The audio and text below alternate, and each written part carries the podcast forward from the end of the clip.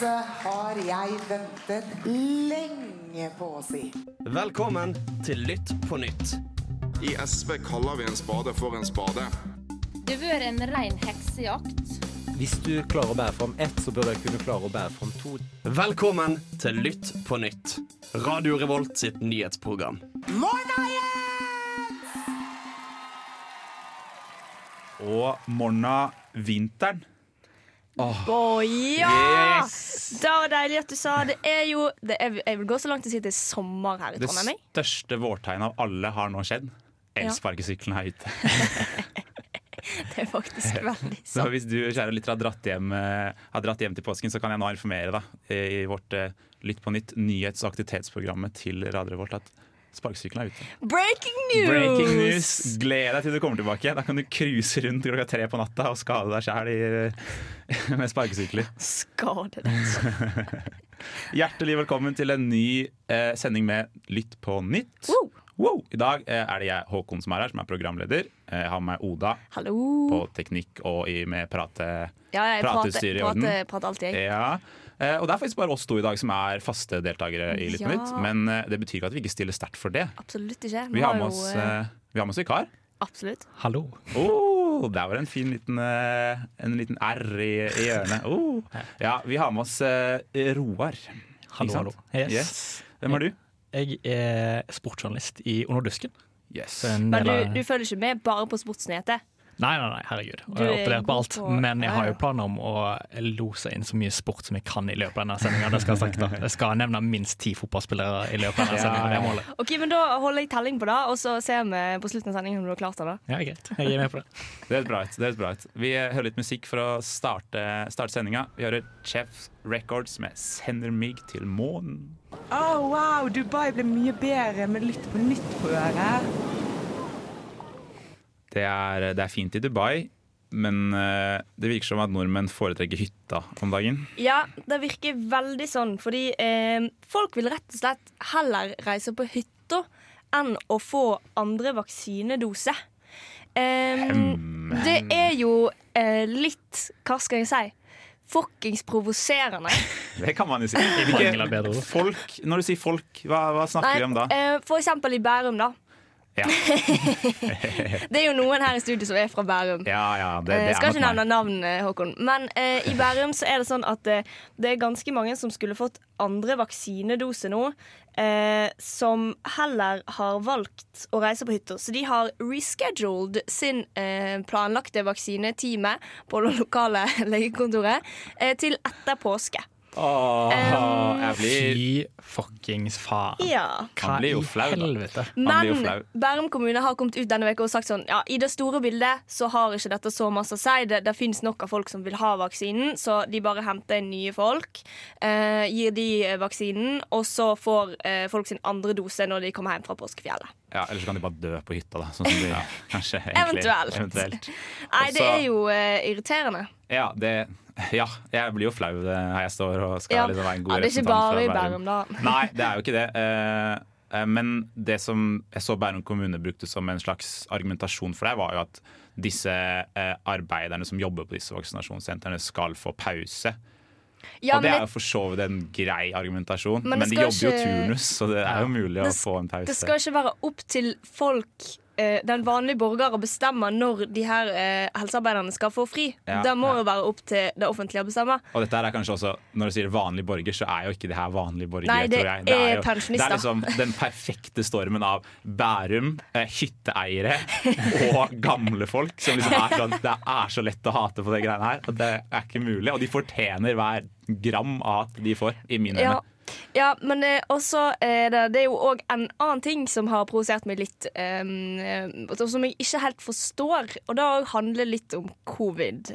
Um, og det er at Det er litt forskjellige tall, da, men mellom 20 000 og 40 000 nordmenn planlegger utenlandstur i påsken. Hvem er du som skal reise til utlandet i en pandemi? Eh, det, det, jeg føler det har vært ganske godt kommunisert at eh, ikke reis. Ja, la være, rett og slett. Og, den har vi fått med oss, ja. Ja, og jeg vurderte helt seriøst å ikke reise hjem til min familie. Og jeg kommer fra Norges nest minste kommune. Det er ingen, det har aldri vært noen som er koronasmitta. Det er nesten ingen smitte i Trondheim, så det er egentlig en ganske OK ting å, å reise, vil jeg påstå. Ja. Men jeg vurderte seriøst å la være å reise pga. covid. Eh, og da, når det sitter noen folk der og tenker at de skal på utenlandstur Skal til Granca? Nei. Nei, jeg forstår ikke. Det er merkelig. Det viser Ja. jo egentlig litt at hele dette konseptet med dugnad eh, er litt, eh, litt vagt i noensinne minner, Ja. vil jeg Ja, tror dere det er de folkene som eh, later som de ikke er hjemme når det er dugnad, som eh, reiser til eh, Når det er dugnad i borettslaget, liksom? Som det er de som, de Jeg tror, det, jeg tror det er de folka som leier inn folk for å gjøre dugnad ja. som eh, holder på med det greiene de her. sender au pairen Ja, for de er i Frankrike for å kose seg i sin leilighet der nede. Nei, det, folk må skjerpe seg. Folk må skjerpe seg, og på vegne av alle fra Bærum som ikke har 5,4 millioner i årsinntekt og hytte på Geilo, så vil jeg beklage til resten av landet, tror jeg. Tusen takk. Ja, Det setter Dere jeg tar pris imot på. den? Ja, jeg jeg tar imot den. Ja, men det er, det er godt å vite. Da hører vi på litt musikk mens jeg sørger over Bærum. Hjelp. Hva gjør du på? Jeg hører på Lytt på nytt, vel? Det stemmer det. Du hører på Lytt på nytt eh, på en eh, strålende søndagsmorgen. Og jeg sa i stad at et vårtegn er når det kommer elsparkesykler og løvetann ut i gatene. Men et annet sikkert vårtegn, det er landsmøtesesong. Ah, det er det liker vi her i Litt på nytt meget godt. Særlig et valgår. Da er mye, Ja. Har mye godt å ta. eh, har dere sett at Aftenposten har hatt sånne her eh, landsmøtequizer typ? Så det er sånn Å, hvor enig er du med dette partiet som har landsmøte i helga? Hey. Da syns jeg er gøy. Ja, det er kult. Det liker vi. Anbefaling. Eh, denne helga her så er det Miljøpartiet De Grønne som eh, har sitt landsmøte. Og i kjent Miljøpartiet De Grønne-stil så er det en god blanding av pekefinger eh, og veldig hårete mål som de skal nå i veldig kort tid. Blant annet kan nevne et eh, mål om å kutte utslippene av klimagasser med 95 Innen, innen 2035. Ja, ikke sant. For det er jo allerede et hårete mål der vi har satt oss, som er 55 innen 2030. Ja. Så da å øke da, det syns jeg er en god idé. Det er jo uh... Eh, det hadde vært bra. For all del. Jeg er veldig med på det. Men hva er, hva er planen? Hvordan skal de få det til, liksom? Det er jo det, Jeg tror nok det er et sånt klassisk mål som de vet veldig godt at de ikke kan nå, men at de ønsker å profilere seg. For nå har akkurat eh, regjeringen kommet ut med sin klimaplan, og ønsker da å sende et tydelig signal at de skal være enda, enda hva skal man si, drøyere enn dem. da. Det skal jo ikke sånn innmari mye til, men Men dette er jo to retninger en kan gå i, fordi MDG velger nå å pushe en grense så langt det går an. Men Rødt gjorde det motsatte på sitt landsmøte, der de bare fjerna alle sånne grenser og sa sånn det blir for dumt å jobbe mot sånne mål, der en bare sier langt, langt inn i framtida så har en et mål. Mens Rødt bare sa sånn vi skal bare jobbe for et bedre klima, og det skal en gjøre hver eneste dag. Og det skal Ja. ikke være ett konkret mål på én konkret dato. Og det viser kanskje sånn hvor tydelig MDG ønsker å posisjonere seg her. At de vil være det partiet som virkelig har de målene og viser en fronter en miljøpolitikk. For det er jo hele identiteten til eh, MDG. Ja, ja. Når de da ikke da f.eks. legaliserer bruk av cannabis, som de også har vedtatt nå. Eh, forbud mot fyrverkeri. Ja. Bort med det. Ja, men vet hva? det er jeg enig i. Få bort fyrverkeriet. Alt som skjer, er at det blir masse bråk, og så er det bare masse drit som ligger igjen. Masse, masse ungdommer som ikke, ikke gjør sånn de, Det er gjør som de farlig. skal. Det er farlig. Holder unna. ja, um, ellers så har de da eh, begrensning på hyttestørrelser, har de også vedtatt. Oi. Ja, det er kult. Så man skal ikke ha seg megahytte på Geilo. Ja, men trenger en egentlig megahytte på Geilo?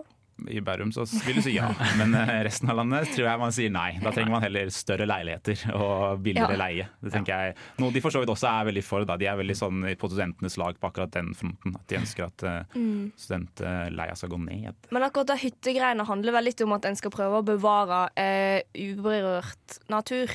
Ja, for det er begynner det jo å bli litt mangel på, egentlig. Ja. Um, Det er jo blitt mer og mer hytter, eh, og i min lokalavis så sto det i dag en artikkel om at det var godt over 1,8 milliarder i omsetning. Altså Bærum-folk hadde kjøpt 1,8 hytte for 1,8 milliarder det, det er mye i løpet av 2021. Og det er i tillegg til de som allerede har hytte, da. Ja. Så jeg er stolt. Eh, Men du tenker litt sånn, den store debatten kanskje i MDG nå er jo dette med at skal vi være et parti som bare skal si komme med de dårlige nyhetene som åpenbart må til for å nå klimaproblemet? Eller skal vi ha disse mer sånn gladsakene at alle får en gratis sykkel? alle skal liksom, Hvor skal vi legge oss på dette, dette nivået her? Blir Ja. vi et kjefteparti, eller blir vi et parti som ser muligheter i det nye grønne skiftet? Ja, men sånn, De ser muligheter, men samtidig så virker det som at eh, ja, det er jo veldig En må jo på en måte kjøre på med egen politikk, men muligheten for å samarbeide, i hvert fall med høyresida, minsker jo hver gang de lager politikk. Ja, Absolutt. Eh, og det er jo på en måte dumt, fordi de stenger jo noen dører for seg sjøl, og de påstår jo hele tida eh, at de kan samarbeide med hvem som helst. Eh, så eh, Jeg synes jo liksom eh, En ting med Miljøpartiet De Grønne er jo at de snart må liksom prestere litt òg. Eh, Vi har jo hatt ganske god kontroll borte i Oslo i en del år nå, og det virker jo ikke ut som de når i nærheten av de utslippsmålene de har i Oslo. Det er jo litt rart at de skal prøve, å plutselig nå ut på dette nasjonalt. Ja. Der det er masse forskjellige typer innbyggere og stort mangfold av forskjellige, fra kommuner til eh, mangfold til alt. på en måte. Ja. Absolutt, og det ser man nå i, eh, i, i, på målingene også, at de ligger godt eh, under sperregrensa på de målingene som, eh, som tikker inn nå rundt landsmøtet. Så det blir meget spennende å følge med. Eh, Vi håper 95% Det er lov å håpe. Vi krysser fingrene for det, i hvert fall. Det er Tete, og du hører på Lytt på nytt. Det gjør du. Eh, Og nå Det du ikke vet, lytter, er kanskje at eh, Roar han går elektorstudiet. Ja. Stemmer det? Samme som det jeg gjør. Det. Lektor, lektor i idrett. Så Åh. det er en grei master i innebandy. Eller hjørnefotball, da. Eller hjørnefotball. Eller hjørnefotball. Utrolig vanskelige regler i hjørnefotball. Det er umulig å lære seg. Men det skjer ting på skolefronten om dagen, gjør det ikke det? Det skjer mye på skolefronten. Det skjer mye spennende. Eh, Det har jo kommet nå en, eh, en eh, reform som er blitt foreslått av minister Melby. Eh, Det er et forslag på hele 140 sider, eh, der en peker på et par eh, mål med videregående opplæring. Ja. De fem punktene de peker på, er at det er for lite tilpassa faglige, det er for lite tilpassa mangfold i skolen, sånn i forhold til nivå og sånne ting. som det. For det er for lite rettet mot arbeidslivet, dekker ikke godt nok generell kunnskap, og det er ikke tilpassa voksne i det hele tatt. Så Yes, det var det. Men det er, jo, det er jo ting en har hørt i mange år, egentlig. Ja, det er ting som den forrige læreplanen skulle fikse litt Ja. på, vel? Ja, det er, jo, det, er jo, det er jo en av tingene som folk sysler med her. da. Fordi det målet som denne reformen skal ha, da, er at ni av ti elever skal greie å fullføre VGS. Det er jo et, igjen et hårete mål, Igjen, Ja, men hårete, et veldig bra mål. Veldig bra mål, og det tror jeg mesteparten folk i Norge kan støtte opp om. at Men hva er planen for å nå de målene? Så en, eh, det som har fått mest positive tilbakemeldinger, er at en slutter å sette, sette begrensning på hvor lenge du kan gå på VGS. Ja. Eh, nå er det begrensning på at du må være ferdig innen du er 23, tror jeg. Mm. Eh, den nå fjerner de. Dette vil hjelpe da 5500 mennesker. Det er 5500 mennesker som falt utenfor denne grensa i fjor. da. Eh, så det er jo veldig positivt. Ja. eh, vil jeg påstå. Det tror jeg vi kan være ganske enige om. Ja, Det er en rar ting å ha i grensa, egentlig. Synes Ja. jeg. Ja, og I tillegg så har han fått mulighet til å ta et fagbrev nummer to. Det har han òg rett på, sant? Så han kan kombinere fagbrev. Det er kult. Kjempebra. Rette seg enda mer mot arbeidslivet og sånt. Ikke det? Eh, og så er det jo da et generelt fokus på at alle skal kunne passe inn. Uh, at du skal, Uansett hvilke forutsetninger du har, så skal du kunne fullføre VGS. Og her yes, den var uh, ja, Det er jo veldig sånn kontroversiell. Ja, sant. Det er jo veldig positivt, det, det, liksom. Men hvordan skal de få til det? Jo da, de skal bare gjøre mindre fag obligatoriske.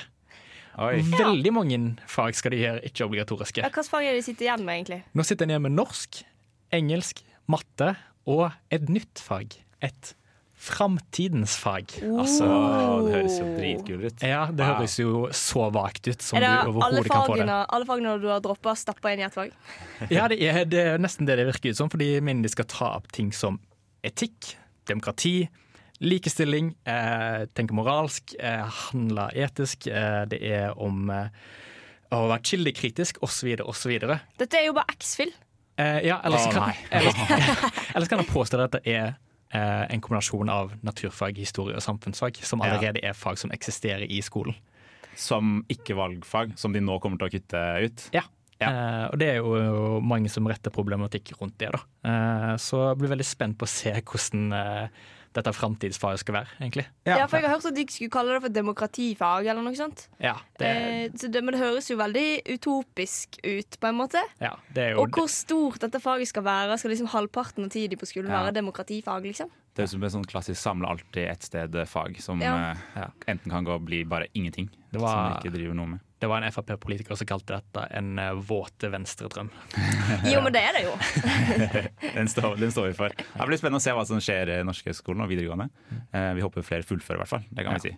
Hei sann, jeg er en veldig viktig person, og jeg hører på Lytt på nytt. Det gjør du også. Det gjør du, vet du. Eh, og nå har vi her litt på nytt satt av den neste halvtimen til å snakke om noe helt sjukt som har skjedd. Kanskje det sjukeste som har skjedd i Norge på lang tid. Den neste halvtimen. Neste halvtimen. Ja, Frp har kommet med klimaplan. Ja, fordi som jeg har sagt tidligere, så er det jo 50-55% av CO2-utslippet i Norge som skal eh, kuttes innen 2030. Og det er jo et hårete mål, men regjeringen har jo lagt fram en klimaplan som de mener kan eh, få de her målene til å bli oppnådd. Så skal jo da Stortinget eh, vedta en klimaplan. Og da, da, da går ikke så bra, rett og slett. Um, de sliter med å få et, altså det de kaller et bredt klimaforlik. Alle skal med på laget.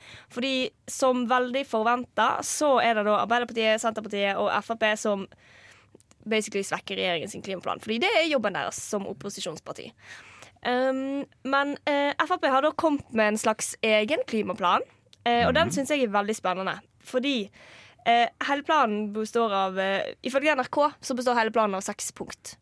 Um, Det er derfor vi tenker er, en halvtime. tenkte jeg at det var, Ja. Og det- på seks punkter, ja. og det er litt sånn eh, Det virker som at det er noen eh, med juridisk bakgrunn som har lagd det her. For det er en litt, jeg vil kalle det en smutthullplan. For eksempel så er et av punktene å regne inn verdien av stående skog. 10 millioner tonn. Ok. Det er jo ja. Så det er liksom, ja, den skogen står der. Da har vi redusert. Flott. Uh, what?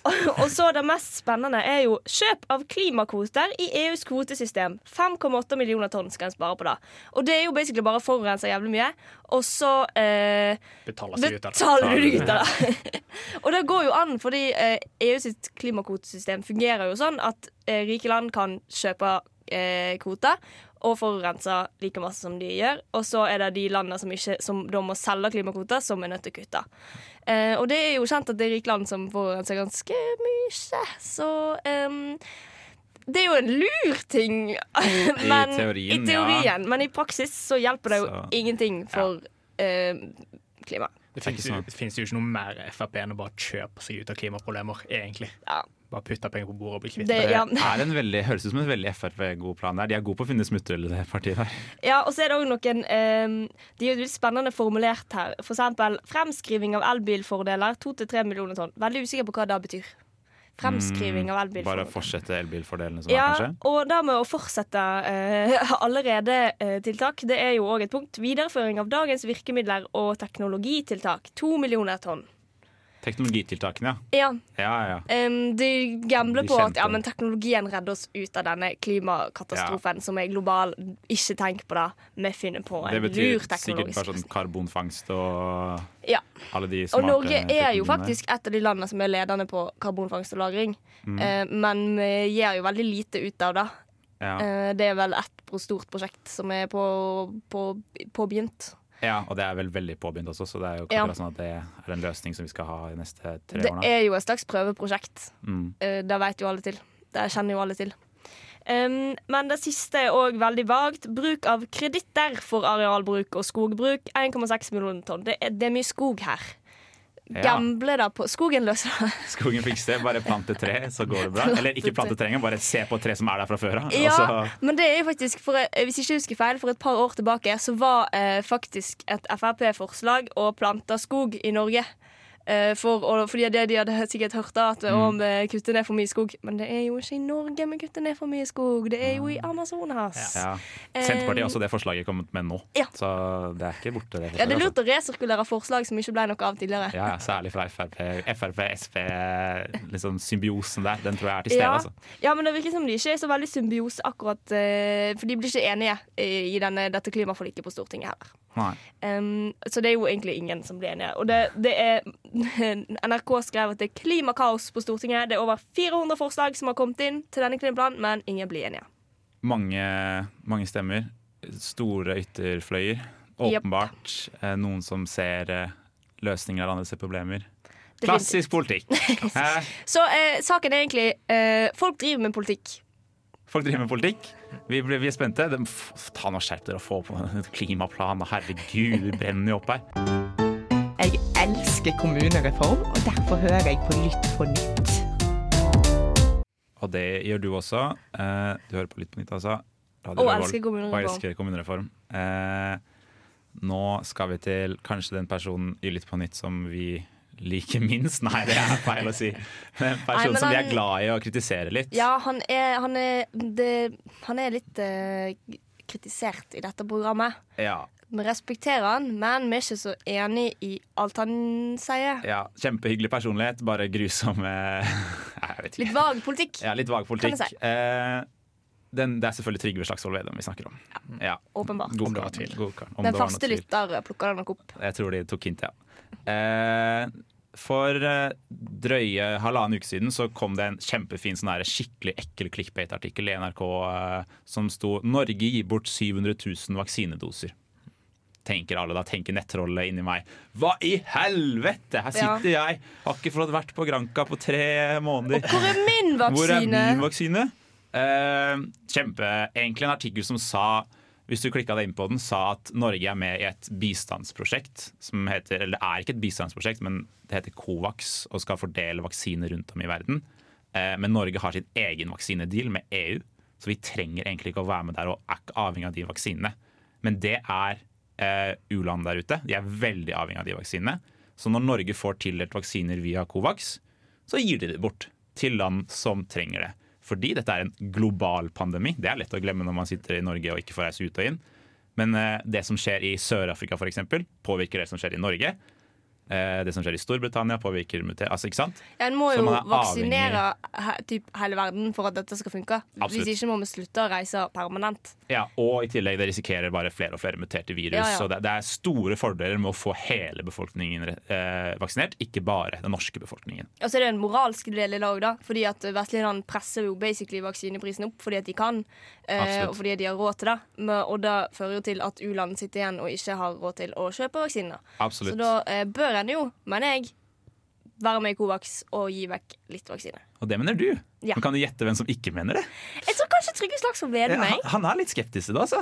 Han er ikke så fan. Han mener da at disse vaksinene selvfølgelig skulle gått til Norge, og at eh, det er norske folk har hatt det så hardt at, at, at de trenger de vaksinene. Ja, for det er det vi som har hatt det verst i denne pandemien. Jeg har slitt mye. Jeg fortjener en Pfizer i armen nå. At det har vært litt tungt. Hva tenker vi om det her? Er det, er det han som bare å, Er det en åpenbar sånn populistisk jeg, Da jeg så den artikkelen, så tenkte jeg med en gang dette her kommer enten Sylvi eller Trygve til å plukke opp på. Og yes, det var det, gitt. Ja, det er jo veldig lett for Trygve Slagsvold Vedum å ta et standpunkt i denne saken. Fordi eh, det Altså, han er jo ikke så fan av internasjonale samarbeid, egentlig. Nei.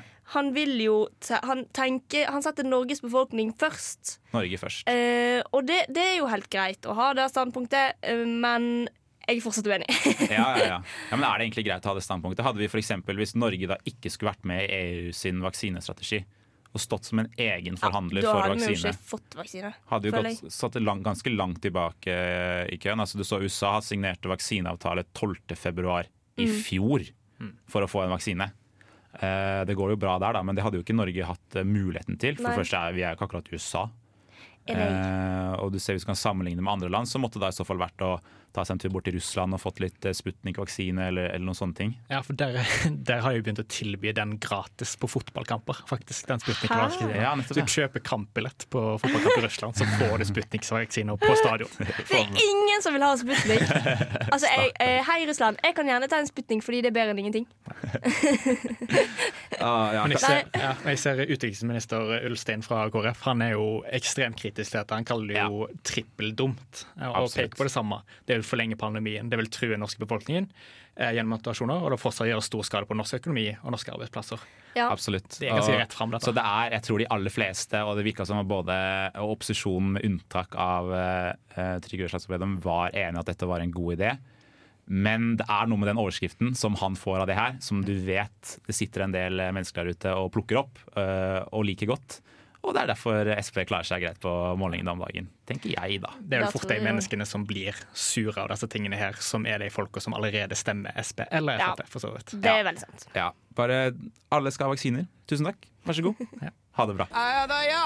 Mitt navn er Martin Lepperød. Du hører på Lytt på nytt! Takk for det, Martin Lepperød. Håper det går bra med halsen din etter den her.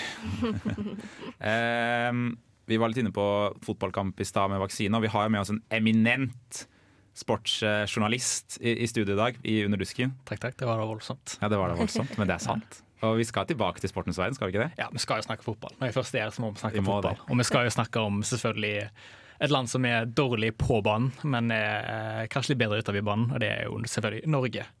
Eh, litt bakgrunn for det som vi skal snakke om nå. Eh, Norge har jo nå vært i sentrum av fotballdiskusjonen pga. at de har nå begynt å ta et aktivt standpunkt mot Qatar-VM i 2022.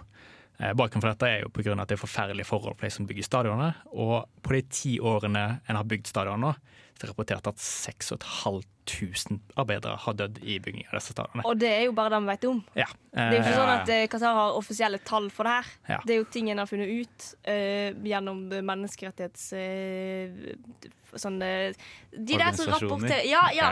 Ja. Eh, og dette har jo skjedd med at eh, Tromsø fotballklubb var det som starta og sa at vi er aktive boikotter, og så har flere og flere klubber eh, hengt seg på. Rosenborg, Vålerenga, Brann, Viking, Strømsgodset osv. osv. Alle de store klubbene i Norge. Ja. Og Det som skjer nå, er jo at en skal vurdere om en skal boikotte fotball-VM. Men det som, og det er avgjørende på et ekstraordinært ting i juni. Eh, Men fram til da så har det vært landskamper den siste uka. Eh, Der på onsdag så valgte de norske spillerne å gå med en T-skjorte der det sto 'Respect on and off the pitch'. Som er Jeg tror jeg har sett fireåringer med mer markerte politiske meninger enn det Det, egne. det er vagt, altså. Ja. Det, en kunne jo vært litt tydeligere, men jeg skjønner jo at en ikke tør det helt når en ikke har tatt det standpunktet. Nei. Men, Men- det skal sagt, det var når de varma opp. Men når kampen starta, så tok de av seg overtrøyene og hadde en ny T-skjorte der det står 'Human Rights' Oh. on and off the pitch. Ja og da. har de liksom steppa litt Ja. opp. Da, sant? Og litt Det er markering. litt bedre. Ja. Og da i mellomtida før neste kamp, så var jeg i går på lørdag, så spiller Tyskland kamp. De går ut med T-skjorter der det står 'Human Rights' på, der hver spiller har hver sin bokstav. Tipper jo han personen som innså at 'Human Rights' var elleve bokstaver, ble dritglad der. Eh, Samme lange, flate baller. Det var lange, flate baller-referanse der for de som tar den. Og så eh, i går, på kampen Norge spilte i går, så hadde Norge igjen eh, human rights on and off the pitch. Men samtidig så hadde de Norway, checkmark, Germany, checkmark, og skrev 'Who's next'. Oh, Ja. Det er jo bra med en oppfordring til andre ja. om å bli med. Samtidig som de holdt fem, en uh, hånd opp i været med fem utstrakte fingre, som er det internasjonale symbolet for menneskerettigheter. Ja vel, ja. Ja, og det er jo ganske sånn sterk uh, Det er jo Ja. veldig det er jo veldig retta mot Qatar. Og Nederland, eh, noen timer senere, gikk ut på banen med O eh, 'Football Support Change' foran på T-skjortene. Ballen rulla fra Tromsø til eh, internasjonal fotball og internasjonal presse. Rett og slett, rett og slett. Men det er jo faktisk én ting som er veldig kritikkverdig, og det er faktisk at ingen spesifikt nevner Qatar. i dette. Ja, Det sier bare generelt Jeg, eh, jeg savner at det står bak på T-skjorta 'fuck you, Qatar'. Fuck you, Qatar. Ja. Um, det er på en måte da det er prikken over igjen. Ja, jeg er ikke fornøyd før noen skriver 6500 dødsfall. Ja. Når skal det stoppe? Det kan kan jo virke som vi er på vei dit. da At uh, de tar det steget nå som kanskje kan, eh, kan kreve det. Absolutt. Vi får, får jo mer og mer oppmerksomhet. The Guardian skriver om det, Reddit er på topp og alt det der. Ja. Det, det, det er jo bare å vente og se. Det, har det starta i det små i Tromsø, og det har gått en måned siden det. Uh, så vi satser på at ballen ruller videre, og at vi ikke drar til Qatar. For Ja. det blir for dumt. Fuck 6500 døde. Fuck Qatar. Yes. Siste nytt, siste nytt. Du hører på Litt på nytt. Vi forlater ikke sportens eh, verden helt enda, siden vi har med oss eh, sportsjournalist Roar. Nå skal vi til en litt annen sak, eller? Ja, eh, vi skal jo fortsatt på den eh, dype delen av fotballen. fotballen. Vi skal Eh. ikke til sportsresultater fra gårsdagen. Nei, det skal han dessverre ikke. For det er, for, det er jo en, enda mer deprimerende er å diskutere, er egentlig. Eh, men eh, nei, det har jo kommet opp en eh, veldig nylig sak som skjedde i går. Der tidligere fotballspillere Thierry Henry, eh, en stor Arsenal-legende, eh, la ut en tweet som sa at jeg boikotter nå sosiale medier pga. den overveldende eh, rasismen som er på sosiale medier. Eh, The sheer volume is too toxic to ignore, var den siste setningen han avslutta med. Ja. Eh, Det er brutalt. ja, og da Men forståelig, vil jeg si. Eh, Ja. ja. Og det, det jeg lurer på, eller det jeg vil stille tilbake til dere, da, er mener dere det er for enkelt å være rasistisk i dagens samfunn? Jeg tror, det blir, jeg tror at den alltid har vært rasistisk, men at det blir mer tydelig når eh, Istedenfor å rope det til noen på fotballbanen, så skriver du det i kommentarfeltet deres på Instagram, og da blir det stående der for alltid. De kan lese det om igjen og om igjen og bli utsatt for det hver gang de åpner telefonen. Eh, så jeg tror det handler noe om at det blir bedre dokumentert på en slags måte. Absolutt. Og så tror jeg også det har noe med at de menneskene som gjør dette her, havner i et kammer hvor de kun er rundt mennesker som gjør det samme. Som gjør det mer normalisert for dem. Som når de Mm. går utenfor den bobla, så plutselig så holder de med det fortsatt. De skal ikke holde på med det uansett, men det blir bare sånn det blir sånn, De bygger på hverandre. da Når du sitter på Twitter og du er med 15 andre rasister, Mm. så blir det jo bare sånn Det er jo dette normalt for deg. Ja. Men det er jo litt sånn at man har jo en, Fotballen har jo retta ekstremt fokus mot rasisme i, eh, i hvert fall det siste året. Eh, Når Mm. Black Lives Matter tok av i USA, så begynte en jo å starte hver eneste fotballkamp med å gå ned på kne og gjøre en parkering. Og det gjør en foran hver eneste kamp i, i England. Eh, Men allikevel så føles det som det blir flere og flere hendelser i fotballen der det ender opp med rasisme. Vi Jeg gjennom sjekka gjennom det siste året. Bare i norsk fotball så har du eh, Pellegrino, som ble kalt apekatt av Ålesund-supportere. Du har eh, Vålerenga-spiller Kamara, som ble kalt apekatt av en eh, vakt på, Sand, eh, på Sandefjord Arena. Eh, og så har du Dahoda Bamba, eh, brannspilleren som fikk over 50 meldinger der det var forskjellige rasistiske skjellsord etter han bomma på en straffe.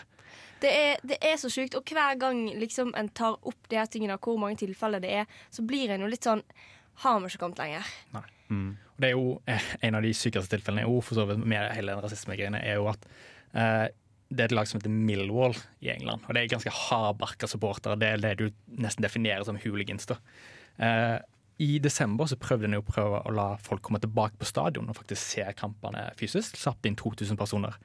Eh, Millwall-supporterne svarte på dette med å bue samtlige spillere mens de tok et kne på banen Ja, og markerte mot rasisme. Skjerpe seg, altså. Ja, det, er- Det, dette er på en måte noe som man eh, Fotballkulturen har jo et rykte på seg over lang tid for å være litt toxic til tider. Du Ja. ser det med kvinnefotballdebatten eh, og sånne ting. Eh, Altså, det blir jo en sport som det blir vanskeligere å like når du holder på på den måten her. Jo, men så er det jo når en havner liksom i et rom der diskriminering basically er tradisjon, så blir det jo vanskelig å skulle forholde seg til og skulle liksom Å bryte ut av det tror jeg krever ganske mye av eh, fotballkulturen da i seg sjøl. Folk må ville det. Mm, ja. Nei, altså, eh, man må bare De må bare skjerpe seg. Bare skjerp deg. Ja, rett og slett. det ødelegger fotball for meg når du holder på sånn her. Ja. Uh, både Roar og jeg er ganske glad i fotball, og dette her gjør oss mindre glad i fotball. vil jeg tørre å påstå. Fuck Qatar og fuck rasister. Ja, det er, det er dagens konklusjon på sport, sporten i Litt på nytt. Å, wow, Dubai ble mye bedre med Litt på nytt på øret. Det blir eh, mye bedre med Litt på nytt på øret, uavhengig om du er i Dubai eller ikke. Eh, nå skal vi over eh, Atlanteren, eller over dammen, som Oda liker å si. Over dammen. Ja, på beste vestlandsdialekt her. Ja, ja, ja. Det er flott. Eh, vi skal til eh, New York denne gangen her. Dette er sikkert en sak som, dette er en sak som har tusla godt eh, ganske lenge. Eh, og sikkert en del som har fått det med seg. Men dette er Andrew Cuomo, altså guvernøren i New York. Ja, han er jo en eh, shady fyr. Ja. Eh, eh, nå er jo ikke han her til å forsvare seg, eh, men jeg har sett bilder av han, og han ligner på en mafiaboss. Ja, Sånn som alle New Yorkere egentlig skal. Alle New Yorkere skal se ut som mafiaboss, bare fordi de skal være sure og være kjipe folk som driver med søppelinnhenting. Nå så ikke det, men jeg gjorde sånn hermetegn. Litt, litt. Eh, han har ikke bare én eh, sånn skandale mot seg akkurat nå, han har fire. Ja. Han har fire som går litt sånn parallelt og litt sånn Han over samler på skandaler. Han samler faktisk. på skandaler, men han sitter fortsatt da Han sitter fortsatt som guvernør. Vi skal gå gjennom skandalene. De, kanskje de mest aktuelle er jo kanskje den som handler om hans underrapportering av sykehjemsdødsfall. Hvor han har eh, først vedtatt at alle som er koronasyke, skal bli satt på sykehjem. Tenker du da jøss, yes, det var en forbanna dårlig idé. Tenker jeg i hvert fall jeg. Eh, matche en målgruppe som er, eller en risikogruppe som er veldig i risiko for Med å folk som har covid. med folk som har covid. Eh, og det tror jeg de merka også etter hvert, for det ble veldig høye dødstall. Men det ble underrapportert. Så nå er det en FBI, eh, en FBI-etterforskning eh, mot han og hvilke valg han tok. I tillegg til det her så har han også en, eh, seksuell, en del seksuelle anklager mot seg som kom den siste tiden om at han har eh, oppført seg meget upassende mot eh, Jeg lurer på om det er oppe i ni nå. Ni eh, tidligere ansatte og nåværende ansatte. eh, Ja, som hos beskylder han for seksuell trakassering. Ja. Det, ja. Eh, og da ser du at han kommer med de gamle samme argumentene. At det er bare sånn han er. Det er sånn han driver med relasjonsbygging. Han skulle bare være hyggelig. Ja, han liker å snakke fransk til jenter og se dem inn i øynene og se ned i blusene deres. For det er bare, det som, det er bare sånn det er. Klassisk. Det er bare sånn han har gjort ting i, i 50 år. Ja, fordi når en har gjort samme ting i 50 år, så det, en skal ikke reflektere over det. Det er jo bare vane. Ikke sant? Ikke sant? Eh, og han har jo fått eh, veldig hard medfart, og han eh, sitter nok ikke så veldig trygt om dagen. Eh, både Joe Biden og egentlig store deler av Det demokratiske partiet har bare lyst til å dytte han langt bort. Fordi han har eh, skapt et veldig dårlig, dårlig bilde av demokratene og tatt opp ganske mye nyhetsplass som de egentlig ønsker skal gå til eh, den store koronaøkonomipakken som de Mm. akkurat har vedtatt, eh, og tatt litt i overkant mye plass, særlig i New York, som er en viktig, viktig stat for, for demokratene å liksom vise fram at dette her, er, her funker det bra, for demokratene styrer stort sett alt i New York. Mm. Um, Men det er jo litt sånn vaksinetrøbbel for uh, guvernøren òg, da. At uh, han har fått broren sin uh, Broren hans fikk rett og slett snika i vaksinekøen. ja, i testekøen var det, faktisk. Ja, ja, broren har fått snika i vaksinekøen, men oh, ja. resten av familien har fått teste seg.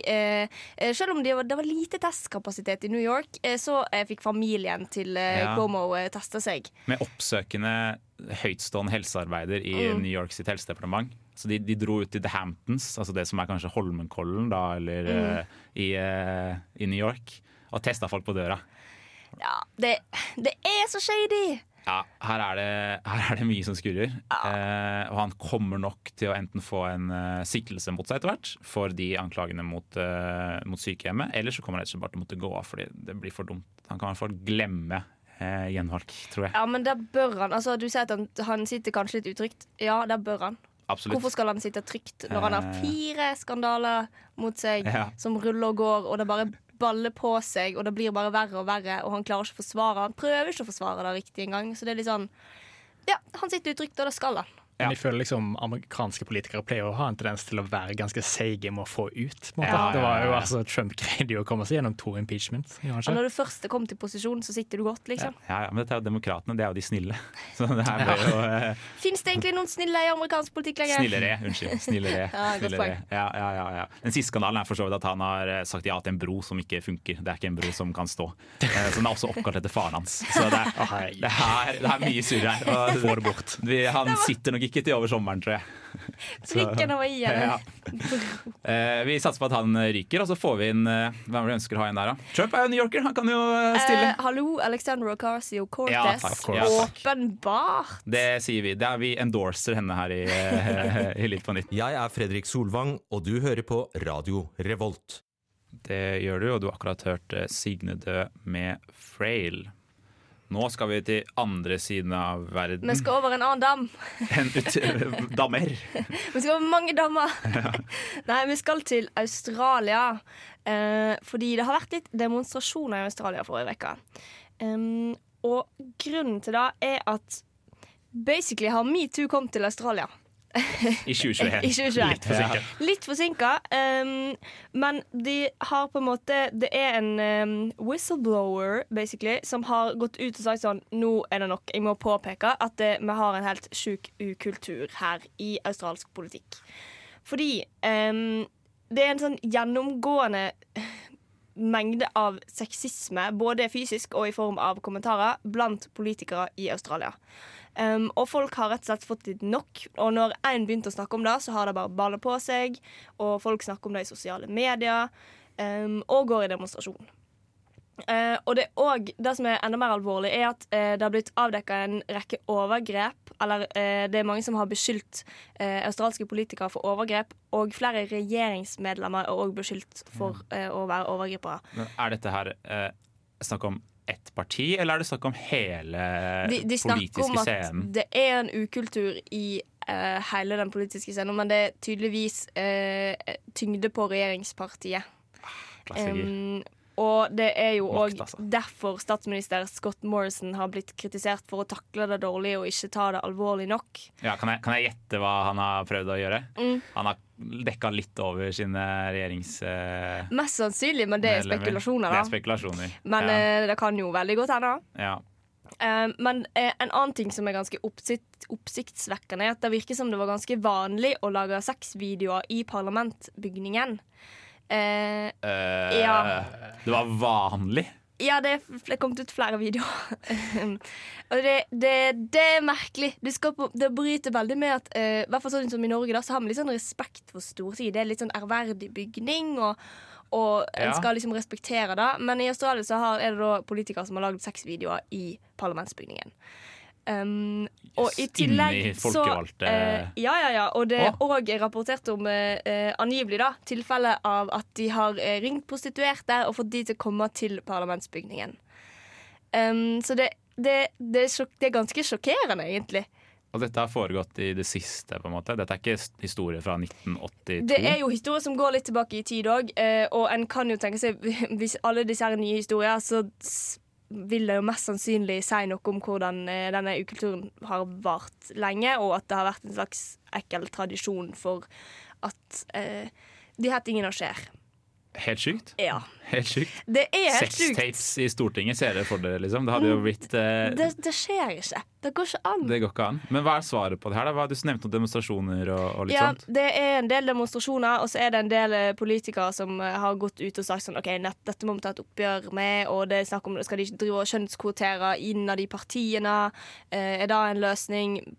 Og ja, det Nei, det, det virker som at det er en ukultur som har pågått veldig lenge. Men som nå heldigvis belyses nå, da. Ja, og det er veldig viktig. Men det er jo ganske sjukt at ikke dette kom fram i 2017 under metoo. Er ikke Ja, det litt drøyt? Helt insane, faktisk. Det er bare, jeg forstår Med mindre alt skjedde mellom 2017 og 2021. Ja, um, Men jeg. Jo, men at hvis ting har skjedd etter 2017 òg, da, altså det, da Ja, det- Hvorfor var ikke 2017 en vekker? Hvorfor var ikke hele metoo-bevegelsen som var global? Hvorfor, hvorfor kom ikke det til Australia? Men jeg, jeg tenker at det kan jo si noe om hvor dypt de her røttene for den ukulturen stikker, da. At Ja. det er litt sånn Ja, men vi snakker ikke om det under metoo, fordi det, er- sånn har det alltid vært. Eller et eller annet. Det er veldig sånn mentalitet om at å ja, dette er ganske gale, men det gjelder ikke meg. Selv om det absolutt gjelder Ja. den personen som det burde gjelde. på en måte. Ja, ja, og du ser jo det også, det er utrolig mange ledere der ute som har gått og, og sagt eh, at ja, dette her er helt forkastelig, og så to uker etterpå så står de på Ja. døra og, og får kjeft. Det er Men dette, dette var en sjuk sak, eh, Eh, ja. og vi håper endelig metoo kommer til eh, Jeg håper de fortsetter å demonstrere. Ja, det, vi blir gjerne med. Ja. Hvis vi kan ta fly ned. Det spørs om vi får lov til akkurat, akkurat nå. Vi er med herfra, da. Vi er det. Jeg blir litt paff når til og med puppene er kjøpt på kreditt. Velkommen til Nytt på nytts finanshjørne. Og nå skal vi kose oss her i Litt på nytt. Eh, vi skal til eh, Vi skal til shippingens gale verden. For en historie vi skal til, da, for så vidt. En nydelig historie. Ja, for en helt nydelig, nydelig. historie.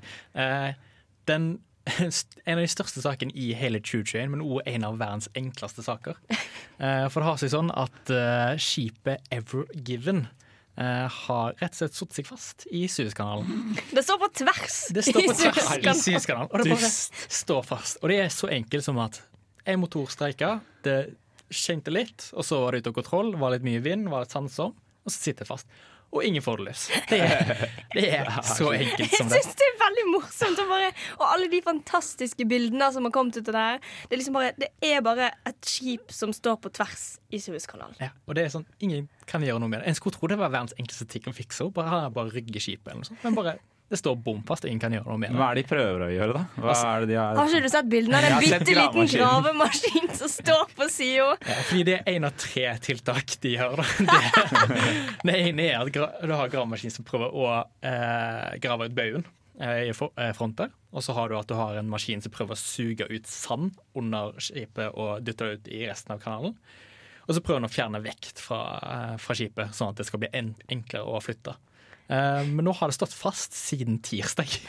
Det er, ingen som får det løst. Det virker ut som det var litt bevegelse rett før vi gikk på lufta. Jeg tror faktisk jeg vet hvordan de kan få det løs. Jeg har løsningen her nå til alle og enhver. Eh, finn den største bedreviteren i bygda. Tar du bilen hans og legger noe tau bakpå, og så kan han dra deg ut. Det går alltid bra. Ja, fordi eh, det er jo eh, sant, eh, internett Det er mange memes om dette på internett, Ja. naturligvis. Og eh, blant de som har kommet over Tenk på alle de 45 år gamle hvite mennene som sitter rundt i verden og bare sånn Nei, de må jo bare Ja. løse det med Altså, det, det er en 50 år gammel mann der ute som har en løsning. Finn en Tesla og dra den ut Ja, ja, ja. Jeg syns bare skipet bør prøve å tenke positivt. ja. Smile mer. Alt blir bra! Har du prøvd de òg, ja?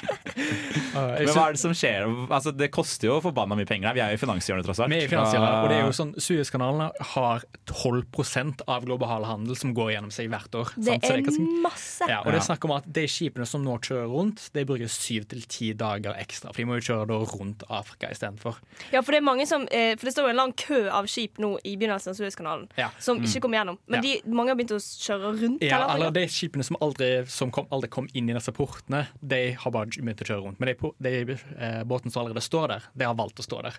Og det blir jo, Hvis de skal velge å kjøre rundt, så bruker de flere uker på å Mm. komme rundt. Så da er det jo sant, så det er Altså, eh, det var en person som jobber i eh, på skipsstasjonen i Rotterdam, som sa at dette kan påvirke hver eneste eh, post i Vesten. Altså hver eneste tenkelige posisjon i Vesten har kommet til å ha effekt av at Suezkanalen er blokkert. Ja, for jeg er jo megaavhengig av å få sendt eh, ting fra Asia til, Ja, ja. til Europa. Ja, men det, det, på sikt, så, hvis dette skipet bare blir stående fast, så kommer jo vestlige forbrukere til å merke det. Det er jo snakk om at vi kommer til å gå tom for dopapir, liksom. Og da kan, du, da kan du se for deg når vi ikke vi får iPhonen vår og dopapiret vårt. Ja, Det hva kommer gjør vi da? å Jeg syns det er veldig deilig å bare Jeg tror alt alltid skal handle om en porsjon der jeg kunne emosjonelt relatere til et containerskip. Til containerskip, ja. Men her er vi. Her sitter vi, altså. Det er, eh, det er ikke akkurat eh, den, Det er en veldig rar sak. Veldig lett løsbar sak i mine øyne. Bare, Ja, dytt- bare dytt den litt. Og så det- ja. Det er òg en sak som viser hvor utrolig globalisert verden er. Og dette, Ja, å nei, det var litt det ekkelt. sånn- Beklager. Nå skulle vi kødde med dette skipet, men, eh, men det er jo faktisk sant, sant. Det, er, det viser jo bare hvor, eh, hvor avhengig vi er av andre deler av verden, og Mm. hvordan bare et skip på tvers i en av verdens hovedfartsårer stopper så mye. Det jo, altså folk taper jo store penger på dette her. Absolutt. Det er én skrue løs i én motor på eh, et svært Ja, skip. Og så, ja, men det er jo det. Ja. Nei, men jeg, jeg, jeg stemmer Altså, jeg syns fortsatt det er litt morsomt. Vi skal stå der litt til, bare. Vi skal ha, vi skal ha det litt vondt. Jeg skal, Ja. måtte bruke, jeg skal måtte bruke kjøkken, eh, sånn kjøkkenpapir som dopapir. Og når vi har kommet til det punktet, da kan den skippes løs. Jeg tror det er en, eh, det er en løsning. Si men jeg, vil anbefale alle å bare følge med Bare på Minsa. sosiale medier. Bare, Ja. altså TikTok, Instagram. Bare følg med på uh, Suezkanal-memes, liksom. sånn. Ja, Det, det er nydelig. det, går, det slår aldri feil uh. Bli der litt til. Kan ingenting, vet ingenting. Skam Det deg! bryr seg ikke om folk i det hele tatt. Bare Nå må du ta deg en svær konspirasjonsbolle Fy her. faen, her er det klassisk vannmelon. Grønn utenpå, rød inni. Og stråmennene dine kan du ta med deg bak loven. Nå er det duket for kommentarfeltkonkurransen. Det stemmer, eh, og jeg gleder meg. Vi skal ha kommentarfeltkonkurransen i Lytt på nytt. Eh, Konkurransen hvor dere skal gjette hvilken sak eh, disse kommentarene jeg skal lese opp, er fra. Ja, hvor har du leita denne uka? TV 2. Rett inn. På Facebook eller på TV2? På eh, Facebook, ja. ja. Det, er, det, er der de, det er der det er lettest å kommentere. For de som, eh, nettopp tror ikke de som kommenterer, er klare å lage konto på TV 2. Elsker kommentarene på TV 2. Ja, det er, det er mye godt. Eh, jeg tenker vi bare smeller på med en gang. Ja, jeg er klar. Eh, og folk har ikke speil! Starter vi med. Folk har ikke spilt. Da må Folk det handle om at noen liksom eh, eh, Og de må se på seg sjøl. Ja, du er inne på noe, noe. det som er hyklerske? Jeg tipper det kanskje Har det dette med at folk tar mer plastisk kirurgi under korona? Wow! Det verste er du har faktisk helt rett. Ja, det er det. Ja, ja. Du tok det med en gang. Det er, det er det de kaller Teams-effekten. At folk ser seg sjøl så mye på Teams-møter. Det stemmer, det. Det er en av, en av grunnene til at folk eh, velger å, velger å ta, ta litt mer eh, Herregud, ja. Roar, her er du jo helt sjukt god. herregud, det, det er jo Altså- gøy sagt, da. Men jeg vil fortsatt høre, jeg vil fortsatt høre litt flere kommentarer. Ja, altså det er, det, er Ingen er perfekte, selv med personlig oppussing. Er det en sånn der med tre sånn latterfjes Personlig oppussing. Det er Ja. ordet jeg liker. Herregud, for en trist verden vi lever i, sier Jorunn Stiansen fra Idol 2024. ikke en vet hva, Jorunn Stiansen? Jeg er helt enig med deg. Ja, jeg, Det er jo trist på en måte. ja, eh, pandemien gir også massiv økning i hjerneceller dø. Er det en kommentar? Det er en kommentar. Og jeg trodde du, Eh, jeg trodde du jeg tror opplyste ikke meg om Det var ikke en eh, Jeg tror den personen har mista noen hjerneceller. Er. Verden er vakker, trist at så mange mennesker ikke er fornøyd med seg selv. Hmm. Ja, men det, Ja. det er jo trist at uh, folk at, Men det er, jo, det er jo litt fascinerende òg, liksom det psykologiske aspektet. At du ser deg sjøl på Teams, folk ser jo ikke ut som seg sjøl på liksom sånn videochat. Og så blir du Du føler at du må forandre på utseendet ditt av den grunn at Ja. du ser utseendet ditt mer. Det er jo kjempetrist. Ja. Eh, Det, det sies også at det skal ha noe med at eh, det nå ikke er mulig å reise til utlandet for å operere på utenlandske klinikker, som jo er en ting veldig mange gjorde. Men det er jo fortsatt noen som gjør det under pandemi òg. Ja, det skal jeg love deg. De bioklinikkene går rundt i. Ja, de, det det skal jeg love deg. Eh, Tyrkia-klinikkene òg, sikkert. Eh, og så sier det dette med at stadig flere har bedre tid. Så liksom at jeg har tenkt å utføre inngrep som tar over lengre tid, og når du først har lockdown, så kan du like gjerne få fiksa litt, ja. da. Ja, Gå litt plaster på nesa og i eh, trygge rammer i din egen heim i stedet for på jobb. Ja, eh, og det siste du sier er da at folk reiser mindre, som betyr at de bruker mindre penger på eh, spagetti bolognese på Gran Canaria, og mer penger på å fikse, fikse seg selv. Eller Så fikse folk har fikse. tid, råd og ser seg sjøl mer, og det er de tre tingene som har gjort at det blir mer, Mer skal det ikke plastisk til. Mer skal det ikke til. Ja, nå, vet du hva? Jeg er fortsatt enig med Jorunn Stiansen. For en trist mann lever. Trist, Det er Ja, nei. Det ble litt, det ble litt nedfor, egentlig. Det litt nedfor. Men det er jo gjort sånne eh, forskningsprosjekter prosjekter på dette. At eh, hvis du tar vekk speil fra folk sine hjem, så vil de føle seg bedre om seg sjøl. Wow. Faktisk. Wow. Ja. Kanskje jeg skal gjøre det. Ta vekk et speil fra eh, ja, men Nå føler jeg jo egentlig Jeg føler meg jo Blir psykopat i kollektivet som fjerner Jeg er jo litt kjent for å ha litt for mye selvtillit innimellom, så tror ikke jeg hadde hatt det godt. Du må bo i sånn speilhus, du. Ja. Speilhus, du, Oda. Kanskje da. Ja. Da lanserer vi en spleis.no på det for Oda. Så du kan kjøpe noen, eh, kjøpe noen nye speil, tror jeg kan være For å jekke meg ned litt. For å jekke deg ned litt. Du hører på Lytt på nytt, Radio Revolts nyhetsprogram. Det gjør du eh, en herlig søndag eh, Hva heter det? Ettermiddag. Søndag ettermiddag i, Er det palmesøndag i dag? Eh, Nei, det wow, nei, er det da? Du, nå ble jeg veldig usikker. Jeg, jeg må bare si at jeg skjønner ikke påsken. Nei. Og det gjør heller ingen andre radioprogram der ute. Det er sånn nummer én radioprogram eh, spalten og ikke skjønne påsken og snakke om hvilken dag det er i påsken. Og pinsen, ikke minst. Når pinsen Og kommer. når bare polet er stengt. Ja, og ja, ja, og det er bra Men, vær i dag òg. Men eh, vi skal til et sted som kanskje ikke har så bra vær, stort sett. i hvert fall. Eh, nei, det er jo ikke så mye bra vær i Bergen. Oh. Og vi skal snakke om studenter i Bergen. Fordi den siste uka så er det 50 studenter i Bergen som har eh, testa positivt for covid-19. Um, og det har vært en del saker der ute som har kommentert dette, og til og med før eh, de her 50 studentene ble smittet, så eh, følte studentene at de fikk skylden for å spre smitte. Um, men vi som er studenter, studenter, vi for det første blir sinte av å høre dette, og for det andre så vet jo vi at grunnen til at studenter blir smitta av covid, er ikke at de ikke bryr seg, det er at vi bor i bitte små kollektiv der det bor 17 andre, liksom. Ja. Eh, og det provoserer meg. Eh, jeg blir litt irritert når en skal drive og legge skylden på studentene for å spre smitte, men skylden er jo egentlig at Sorry, vi har ikke råd til å bo alene. Ja, hele, Men hele den der skylddebatten som har kommet, da. At du skal, Ja. Det er veldig, veldig mange folk som er veldig opptatt av å peke finger på den, den gruppen. Som liksom eh, er skyldig, når det åpenbart er et bredt spekter av den norske befolkningen som er smitta.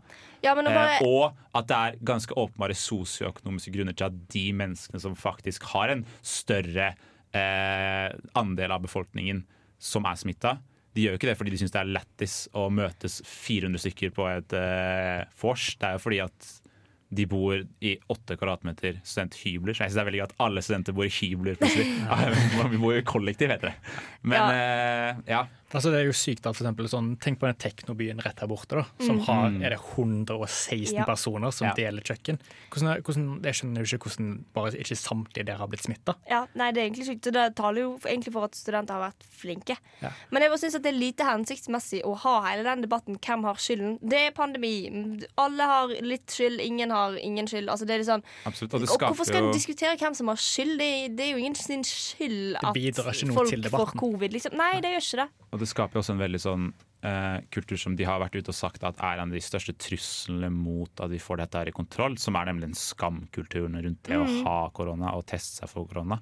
Ja, En må ha litt tillit til hverandre og bare ja, stå Ja, i det litt. og, og hvis jeg vet med meg selv at jeg har ikke hatt korona, men hvis jeg hadde hatt det, så hadde jeg slitt ganske mye med å si ifra til folk. Fordi den skammen som er rundt det, er ganske stor. Eh, og det er jo på grunn av dette her, at man driver og hva skal man si, eh, kjefter på grupper av folk som absolutt ikke har fortjent det. Mm. Uavhengig om det er studenter eller om det er eh, folk på østkanten i Oslo. Ja, Hvis jeg får covid, så skal jeg si det, til alle. Si til alle. Mm. Det er din skyld. Skjerp deg. Ja. Ser Skal ut som en perfekt Oda-ting å, å Ja. si. Ja. Gå rundt og peke finger på alle du ser på gata. Absolutt. Det høres bra ut. Hei, det er Kyra Gørvla Kygo Nei, bare kødda. Det er Thomas Seltzer. 30 år eldre enn Kygo. eh, Og du hører på Radio Revolt.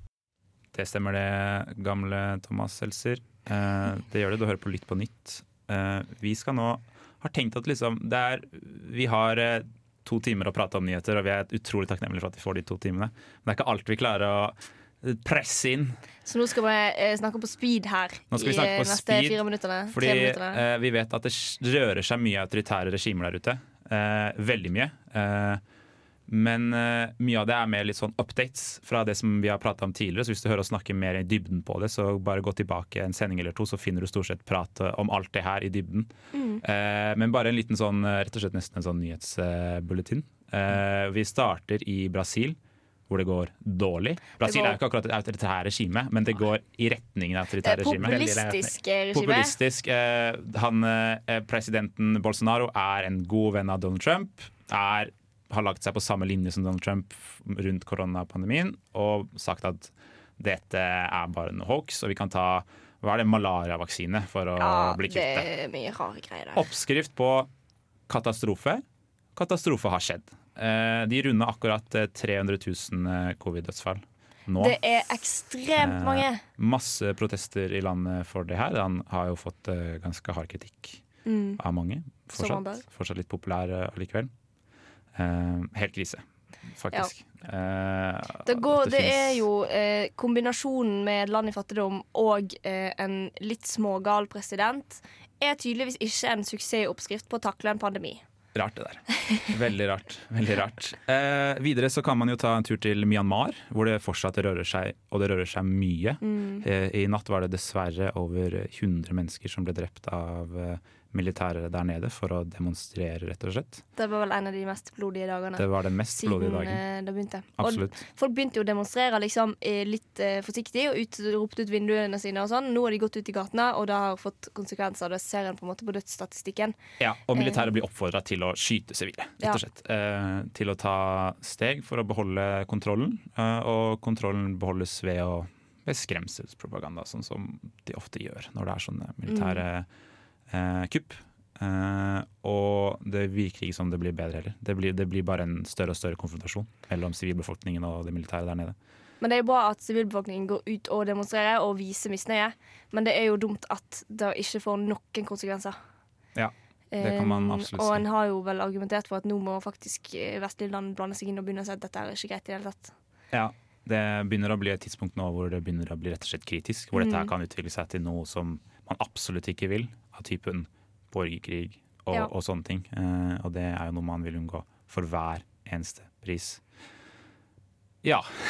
det var Det dagens eh, tunge nyheter. Eh, Mm. Vi kan slenge på at eh, Eurovision har bannlyst i Hviterussland. Ja, for Hviterussland er jo Europas siste diktatur. ja, og de nå får ikke lov til å være med i Eurovision fordi de har lagd en låt som hyller det nåværende regimet og kjefter på demonstrantene der som prøver Ja, det å var vel innføre en, demokrati. eh, en fanlåt eh, til Ja, Lukasjenko, En egentlig. dårlig, en dårlig, eh, en dårlig hva skal man si, skjult fanlåt til, til han. Det, det er også litt krise. Bra de ble bannlyst. Ikke ta dem inn, vær så snill. Trenger ikke mer autoritære regimer i Europa, vi. Det har vi hatt nok av opp en Eurovision. I hvert fall ikke Eurovision. Ellers går det bra. Eh, OK. Det var dagens update på hva som rører seg i autoritære regimer. Du hører på Lytt på nytt på Radio Revolt. Det gjør du, kjære lytter. Eh, og nå skal vi tilbake til eh, USA. Eh, til en stat og et selskap som Som det er konflikt mellom de ansatte og selskapet, rett og slett. De skal sel Selskapet Amazon og arbeiderne står i konflikt fordi arbeiderne ønsker å eh, lage fagforening. Og hvis man eh, kjenner til USA, så vet du at fagforenere er ikke det beste de vet i kapitalismens høyborg der nede. Det er vel fortsatt rundt sånn 10% av befolkningen, eller de arbeidende befolkningen i USA er uh, i en fagforening. Det Jeg litt usikker på hvor det er i Norge, men det er mer. Kan jeg, Ja. det kan jeg si. Eh, og nå er det en konflikt der som går ut på at um, eh, de ønsker å skape en fagforening, som jo i utgangspunktet ikke bør være en konflikt. Det bør være bare en sånn ting de får lov til å stemme for. Arbeiderne på en, eh, et sånt varehus som Amazon driver, de er veldig kjent for å drive veldig mye varehus. Altså de sender jo pakker, det er jo det Amazon gjør. Mm. Eh, så nå har de arbeiderne der, eh, drøye 5000 av de, bestemt seg for at de skal starte en fagforening. Amazon, som ser dette her som en mulighet for at kanskje ballen ruller til at deres 500 000 varehusarbeidere 500 000 eh, skal eh, skape en, eh, en fagforening. Og kreve ting i Og arbeidsmiljøet. kreve ting i arbeidsmiljøet, som er kjipt. Ja, det koster Fordi det koster mye penger. Fordi akkurat nå så eh, er det sånn at de kun får f.eks. to ba bade... Hva heter det? Dopauser. Ja. I løpet av en dag på ti timer, som varer i ca. 15 minutter. Da, til sammen skal disse dopausene være på. Eh, og ofte er disse varehusene på størrelse med sånn type Buckingham Palace. Så gå på do på, på den tida. Du bruker hele tiden på å gå. Hele tida på å gå. Eh, og Amazon, som er veldig imot det her, de har kjørt i taktikker som f.eks. å forsøke å eh, ta eh, og kutte ned på lys, altså trafikklysene rundt eh, fabrikken. Fordi da stopper de som er for en fagforening, de stopper folk mens de venter på at det skal bli grønt lys, og snakker til dem.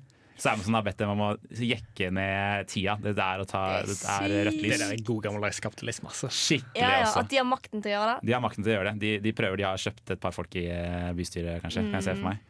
Eh, så det er en, en avstemning i morgen, er den avstemningen, eh, og kan ha store Store Hva skal man si? Eh, Konsekvenser. konsekvenser for hele Amazon. Altså 500 000 arbeidere. Det er jo størrelse med Oslo by. Mm -hmm. så det er mange folk. Eh, man håper jo det. Vi som er gode norske fagforeningsfolk, vi støtter vel de ganske greit, gjør vi ikke det? Absolutt. Herregud, gi de rettigheter. Ja, gi dem rettigheter. La dem gå på do, i hvert fall. Herregud. Det må være minstekravet. Ja, det, det er jeg enig i. Hva har fire bein om dagen og seks bein om natta?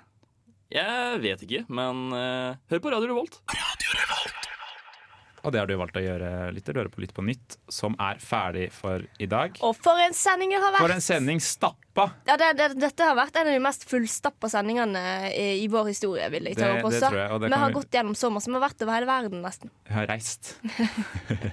Vi har reist. Det, dette er vår måte å reise på når ikke en kan reise. Reise rundt i verden og lese Reiser mye. rundt i verden. Det stemmer det. Eh, Takk for at du eh, hørte på, eh, kjære lytter. Takk til Roar, Ja. som har tatt seg tiden til å komme her på en søndag i takk for at jeg fikk komme. Lærte mye nytt. Du skal få Ja. komme igjen. Ja, det er veldig bra. Takk til Oda på teknikk og på prate, Tusen takk. pratehullet. Eh, Og så takker jeg for meg, og så ønsker jeg alle en god påske. Gjør vi ikke det, folkens? Jo, Ja. god påske. Kos deg i sola. Kos deg i sola. Det får bli siste ord. Ha det bra. Du har lyttet til en podkast på Radio Revolt, studentradioen i Trondheim. Sjekk ut flere programmer på radiorevolt.no.